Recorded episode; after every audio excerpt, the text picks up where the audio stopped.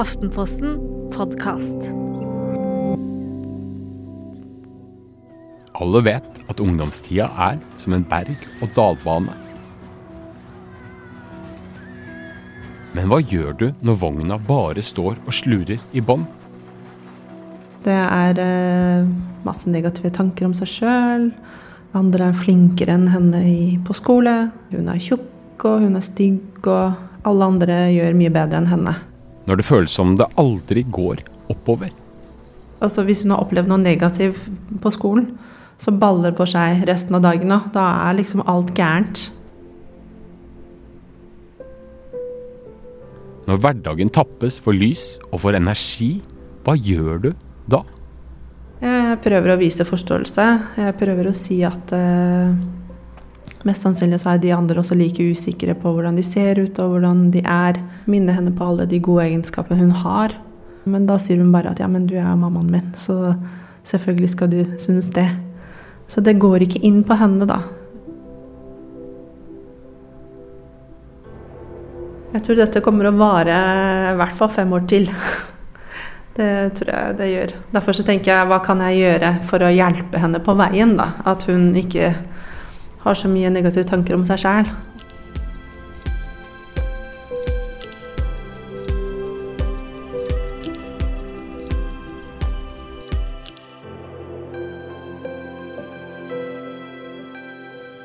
Det er ikke lenge siden sommeren sa takk for seg, faktisk, men det kan føles som en liten evighet siden. Det er grått ute, det er vått, og det er høst, og det er svarte kvelder. Og da kan jo tunge tanker få enda mer vekt. Føles det ut som man kan nesten kjenne det litt sånn fysisk. Hedvig Montgomery, er det noe du kjenner deg igjen i? Jeg syns det er rart, det der, for det er noen ting jeg liker så godt med høsten. Jeg liker fargene, jeg liker det der å kunne gå inn, det der å kunne sitte under pledd. Det er mye fint med høsten. Absolutt. Men samtidig så må jeg si at, at det kjennes lenge siden ut. Siden det var uh, sommer nå. Mm. Det er jeg helt enig i. Og at det kjennes at det er mange mørke måneder foran oss, det kan jeg også av og til få litt synkende inn i. Ja. Og da skal det jo ikke så mye til for å kjenne på litt sånn ekstra tungsinn. Og du hørte innledningsvis fra en mamma som er litt bekymra for sin egen datter. Datteren gråter med, hun føler ikke hun duger på noen arenaer. Og denne episoden her skal handle nettopp om det, da. Om de unges tunge tanker.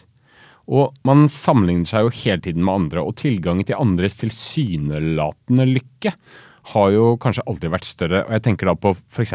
sosiale medier. Hedvig, gjør det veien til kjelleren kortere for unge da? Eh, nå enn før, tror du? Jeg vet ikke, for å være helt ærlig. Men jeg tror én ting, og det er at for foreldrene deres så er det å se alle andre foreldre som legger ut glade konfirmasjonsbilder og fine skolestartsbilder når du sitter der og har et barn som kanskje ikke vil noe. For oss foreldre tror jeg kanskje av og til det er tyngre enn det det er for ungdommene selv. Ja. For ungdommene selv så ser jeg at det er et nytt, en ny plattform, rett og slett, hvor eh, du skal, som du skal beherske. Hvor du skal treffe andre, hvor du skal få det til, og hvor du også skal passe inn. Så det har nok økt kompleksiteten i det å være barn og ungdom. Hvordan merker du det da, når du snakker med ungdom? Jeg merker at den der fasen som handler om å finne sine hjertevenner, den eh, fasen som handler om å føle at man er lik og hører til, har blitt mer komplisert. Fordi nå er det ikke nok å bli likt og høre til med dem du går i klasse med. Du skal også bli likt og høre til når du ikke ser dem. Utenom skoletiden. Mm. Det er blitt et nytt sted hvor man kan skrive ubetenksomme ting. Før kunne det sies og bli glemt. Nå blir det skrevet og lagret. Så det er et nytt sted hvor det, man rett og slett kan gjøre hverandre litt vondt, og hvor man også kan kjenne på den der «Åh, alle andre gjør noen ting. Alle andre var på fest på lørdag. Før kunne det ha gått litt i glemmeboka, gått litt hus forbi. Nå blir det veldig, veldig tydelig. Så ja, stort felt. Og eh, det gjør av og til også at ungdommene føler at dette er noe som ingen andre kan forstå, for sånn var det jo ikke da mamma og pappa var unge. Ok, så de legger til grunn at foreldrene uansett ikke skjønner, er det det du mener? Fordi at det foregår på et litt sånn lukket sted? Nettopp. Så Mm. det kjennes enda mer ensomt ut. Så ja, det har skjedd noe nytt, men når det er sagt, Det å være i denne fasen fra 10-11-årsalderen og opp til 16-17-årsalderen har nok alltid vært preget av usikkerhet og tvil. Er jeg god nok? Passer jeg inn? Finnes det noen sånn som meg der ute? Og en del finner faktisk ganske mye trøst i at de nettopp finner noen som seg selv der ute også.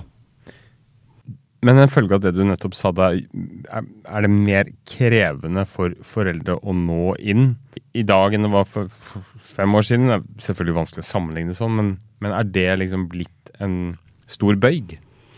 Jeg må si at ungdom har aldri hatt bedre kontakt med sine voksne enn nå. Eh, så jeg tror ikke vi skal overdrive denne generasjonskløften. Men jeg tror at både voksne og ungdommer selv kan kjenne at det er mye, og at det er nytt, og at man blir usikker, og så hører man foredrag fra politiet og fra det ene og det andre på skolen. Så det som egentlig er ganske nedpå og ganske enkelt, nemlig du og jeg, det å finne sitt fellesskap, er blitt noe som er liksom blitt pakket inn i nesten mystikk og trusler. Mm. For å gå tilbake til uh, eksempelet vårt, da, uh, som jo var et levende her i starten en mor til en jente som er bekymra fordi at jenta konstant sammenligner seg med andre. Og hver gang er konklusjonen at hun ikke er bra nok. For stygg, for tjukk, for dårlig på skolen osv. Og, så og moren famler etter hva hun skal si. Hvordan kan man hjelpe unge eh, som har havna inn i et sånt mønster? For dette er vel ikke akkurat et veldig unikt tilfelle? Nei, det er dessverre vanlig. Og jeg tror også at mange kjenner seg igjen i at hvis du først har det litt vanskelig, så har det lett for å bre seg utover. Det skjer rett, lett med oss voksne, men det skjer faktisk enda lettere med unge mennesker. Det er ikke noen ting å stå imot med, og plutselig så smitter noen ting som er litt vanskelig på ett felt, over på felt etter felt etter felt. Mm. Så det første det er å skjønne at det at hun kjenner det sånn, det er helt på ekte. Mm. Det betyr ikke at det er sånn. Men forskjellen på å kjenne og at det er sånn, den er en kjempevanskelig forskjell. Og tenk selv når du føler deg ordentlig dårlig, at det er lenge siden du har levert noe bra, og noen sier det er ikke sant. Mm. Da kjenner du i hvert fall jo, det er det, det så. Mm. Det får deg bare til å få piggene ut med en gang. Mm. Sånn er vi voksne, sånn er selvfølgelig ungdom også. Likevel er det ofte det som kommer liksom som en sånn der eh, refleks. Ja, for noen ting må du jo si. Og det er jo, altså Poenget er jo nettopp det at når du kommer og klager over noen ting, så koster det ganske mye for den som hører på, å virkelig gå inn i det du sier. Mm. Skjønne hvordan det er å være deg. Det er så kjapt å komme med den der 'ja, men det stemmer ikke'. Det er en rask reaksjon. Men når vi skal møte noen som har det vanskelig, så er det ikke de raske reaksjonene som gjelder. Da er det det å skjønne som gjelder. Og her er det som gjør det litt sånn Med ungdom så har man stort sett ikke hele kvelden på seg. Man har liksom 90 sekunder på å vise denne forståelsen. Så det gjør det mye vanskeligere. Eh, og til tider også litt forvirrende.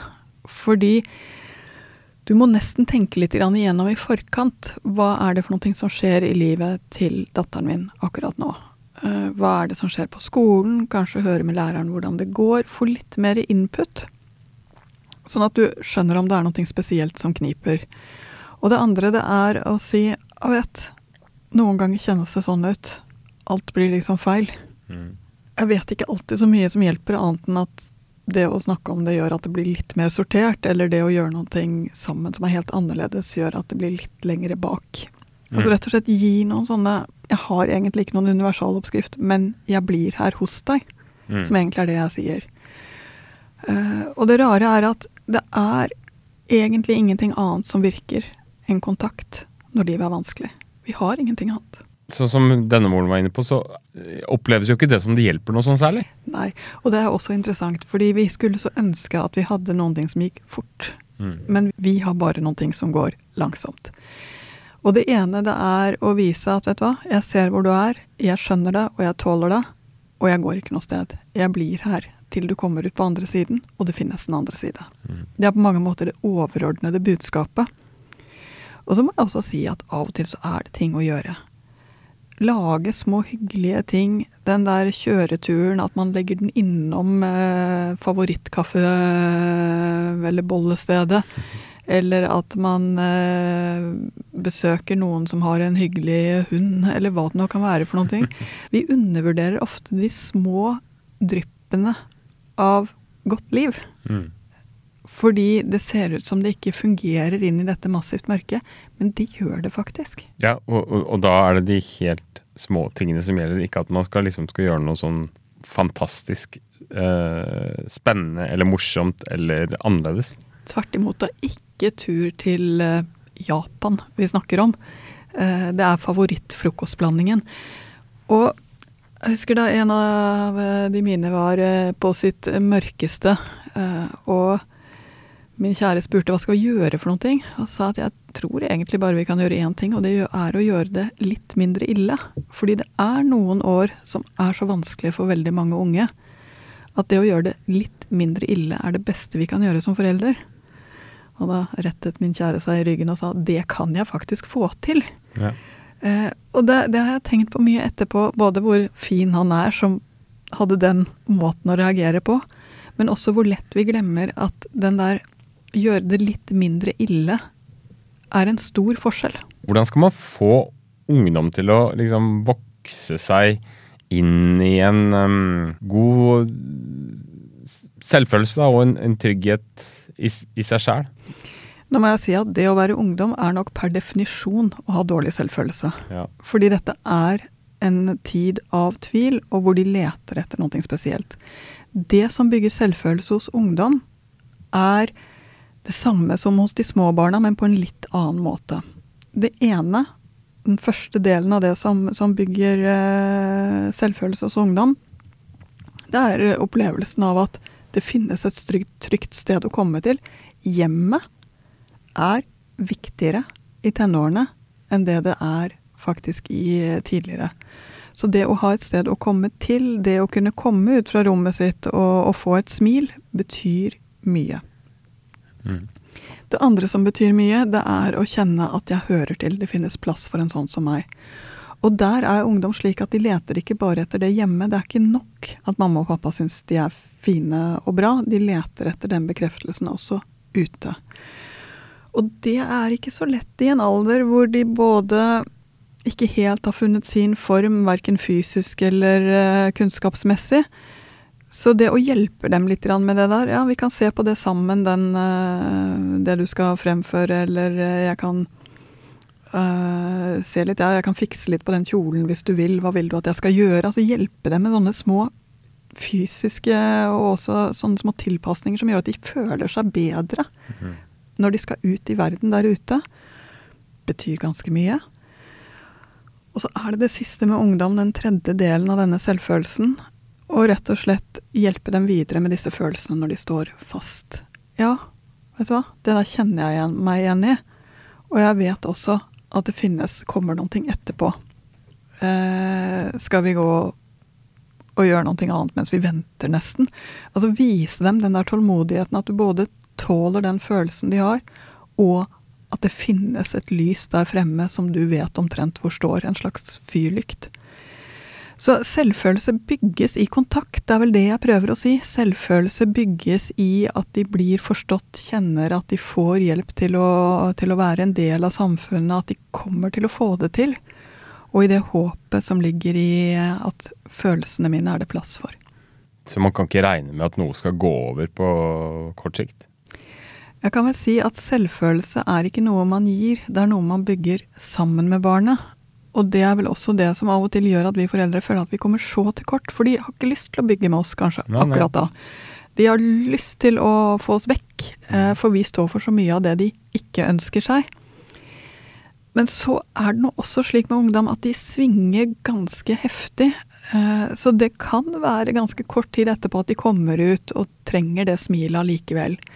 Og jeg tror kanskje den største feilen vi gjør når vi har ungdom som har det vanskelig, det er at vi har altfor god hukommelse. Vi husker det som ble sagt av eh, avvisning eller eh, spisse kommentarer for eh, 20 minutter siden eller to dager siden, mens vi egentlig bør stryke det ganske fort Mm. fra vår egen hukommelse og tenke at det er bare et uttrykk for hvordan det er akkurat nå. Og så ta imot det når de kommer ut og har gjort en vridning eller en svingning. Ikke ta noe personlig, er det det du mener? eller? Jeg må si at det er ikke personlig. Det er å være med noen som er i sitt livs mest spennende oppbruddsfase.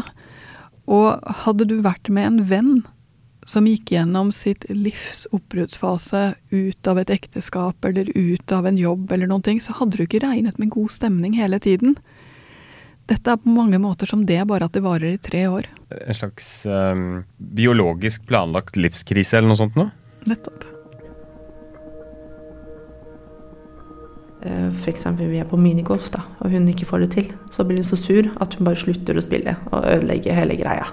Det er, det er noe som går i alt hun gjør, da. Hvis hun ikke får det til, så vil hun ikke mer.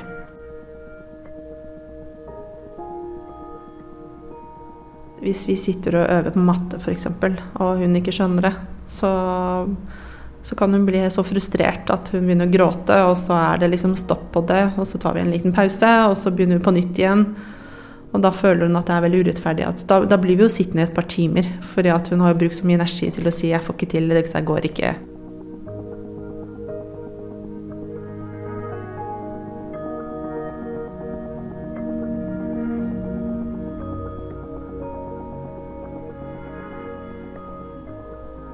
Det å være i, i, ungdomsfasen er også å føle at man ikke er helt klar til å vises frem ennå.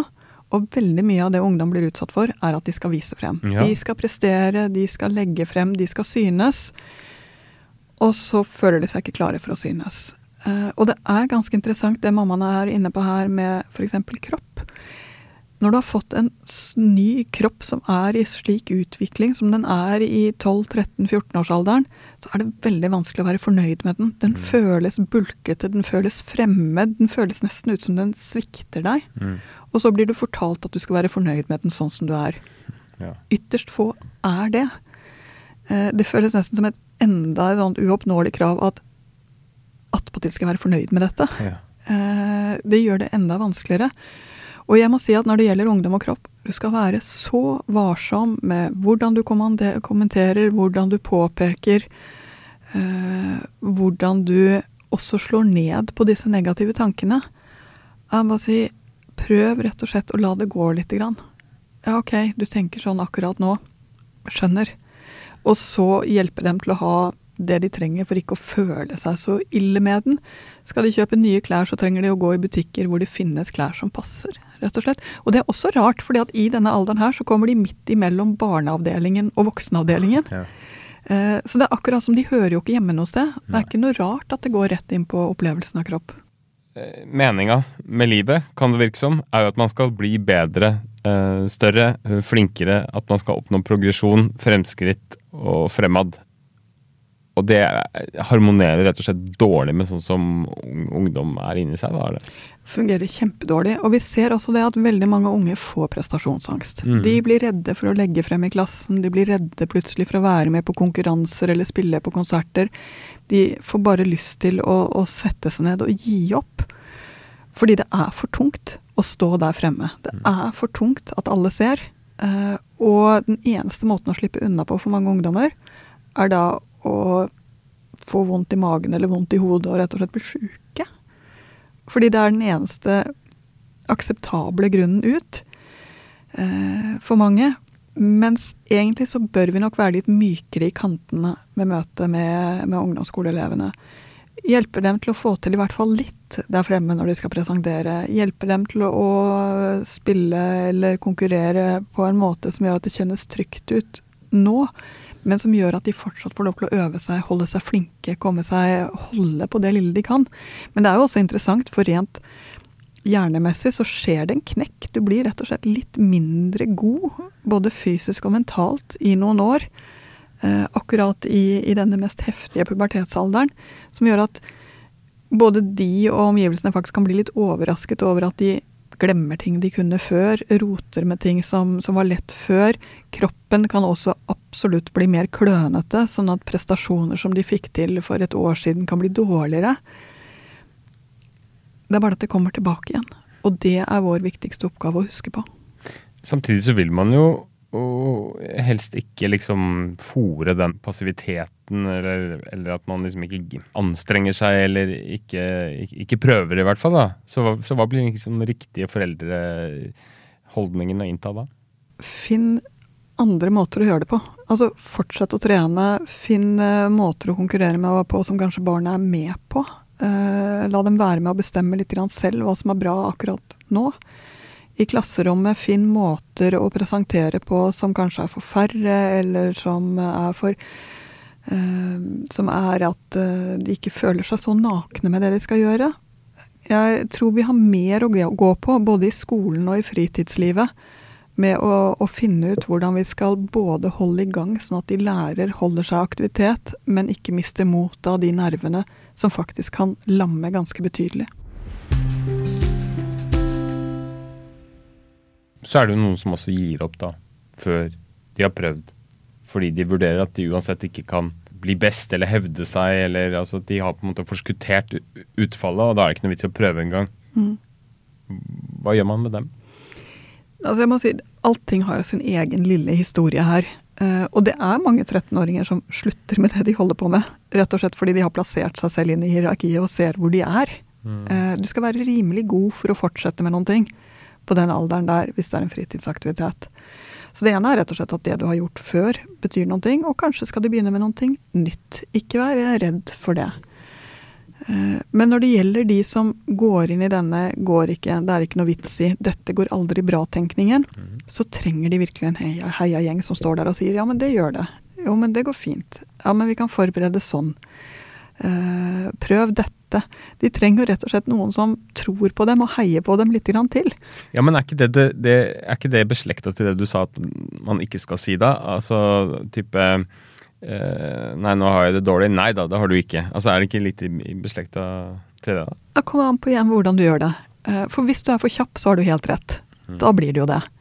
Men hvis du sier ah, jeg vet, det å presentere foran klassen er ikke noe kjempegøy, men hva kan vi gjøre sånn at det funker litt bedre? Bare litt bedre.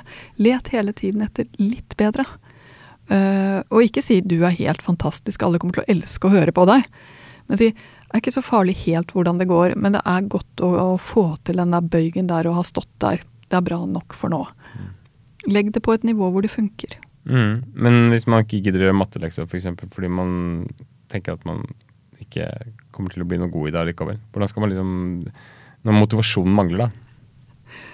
Jeg må si at hvor mange det er som sitter og strever med matteleksene rundt omkring mm. hver eneste dag hele året, det er mange. Mm. Uh, jeg vet ikke om det handler om motivasjon, eller om det rett og slett ja, Det er så mye dette kan handle om. Uh, og jeg tror jo at uh, du kan ikke gjøre så mye annet som, en, som foreldre enn å si jo ja, men vi kan begynne på det første sammen, eller begynne litt. Eller se om det er noen andre i familien som er litt flinkere til å være til hjelp. Let litt i nettverket, rett og slett. Finnes det noen som kan holde ut med en tenåring som skal gjøre matteleksen sin, og ikke tror på seg selv? Uh, fordi matte handler Det er jo det som er så vanskelig med matte. Inntil du får det til, hvor det er lett, så er det vanskelig. Det er trappetrinn, det er ikke noe jevn stigning. Og det er slitsomt å gå det trinn etter trinn etter trinn det vi har snakka om hittil, handler vel om ganske sånn normale tenåringsnedturer uh, og problemstillinger. Men når liksom hverdagen blir da innhylla i svart farge og det bare er mørke, når vet man om det også er innafor normalen, eller om uh, man tenker at her uh, trenger vi profesjonell hjelp? Jeg tror at det øyeblikket du merker at det er noen ting som du Du får ikke til de der dryppene av gode øyeblikk. Du får ikke til de øyeblikkene av kontakt hvor dere ser på hverandre og Eller i hvert fall ser samme vei og snakker på om omtrent det samme. Du ser en tenåring som trekker seg unna, som begynner å velge rare uttrykk som ikke er som noen av de andre, i både klær og i, i måten å oppføre seg på.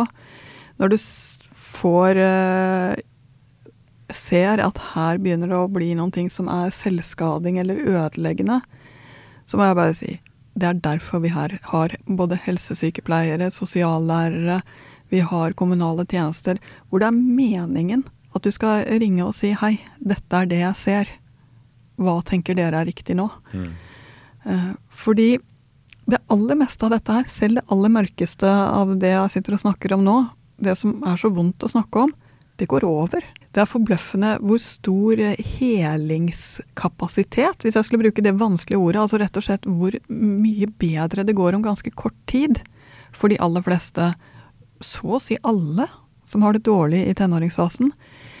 Men det å stå helt alene med det og kjenne at man blir fortvilet som forelder, det å stå helt alene som ungdom og kjenne at her er det ingen som har sett noe slikt før, det blir for mye å bære. Etter at vi snakka om dette her temaet nå, så kjente jeg at jeg gruer meg ganske mye til å bli tenåringsforelder, og det tror jeg det er en del eh, som gjør. Hvordan skal man best preppe seg for, eh, for de, de åra der? Altså, det er rart med det. Fordi selv liker jeg godt denne perioden. Ja. Du ser virkelig et menneske vokse frem, bli tydeligere, finne kantene sine, finne seg selv. Det er en veldig, veldig fin fase. Og jeg tror også at det å ta seg tid til å se det og ikke være så redd for de bølgene som kommer, gjør det mye lettere å eh, være med ungdommene inn i denne tiden og gjennom denne tiden. Så om du trenger å være bekymra, vet du hva, det tror jeg ikke du gjør. Og jeg ser også at ungdommer i dag, nettopp fordi de har fått bedre ord for det, snakker mer om det, mange, men også fordi de i større grad ser at de er ikke alene om det. Der kommer faktisk de sosiale mediene til nytte. Eh, det, det gjør det også lettere for mange av dem.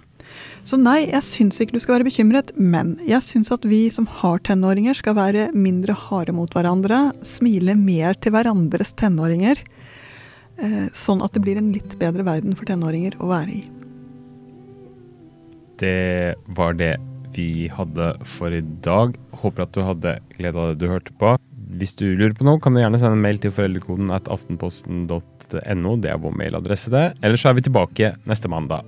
Ha det bra.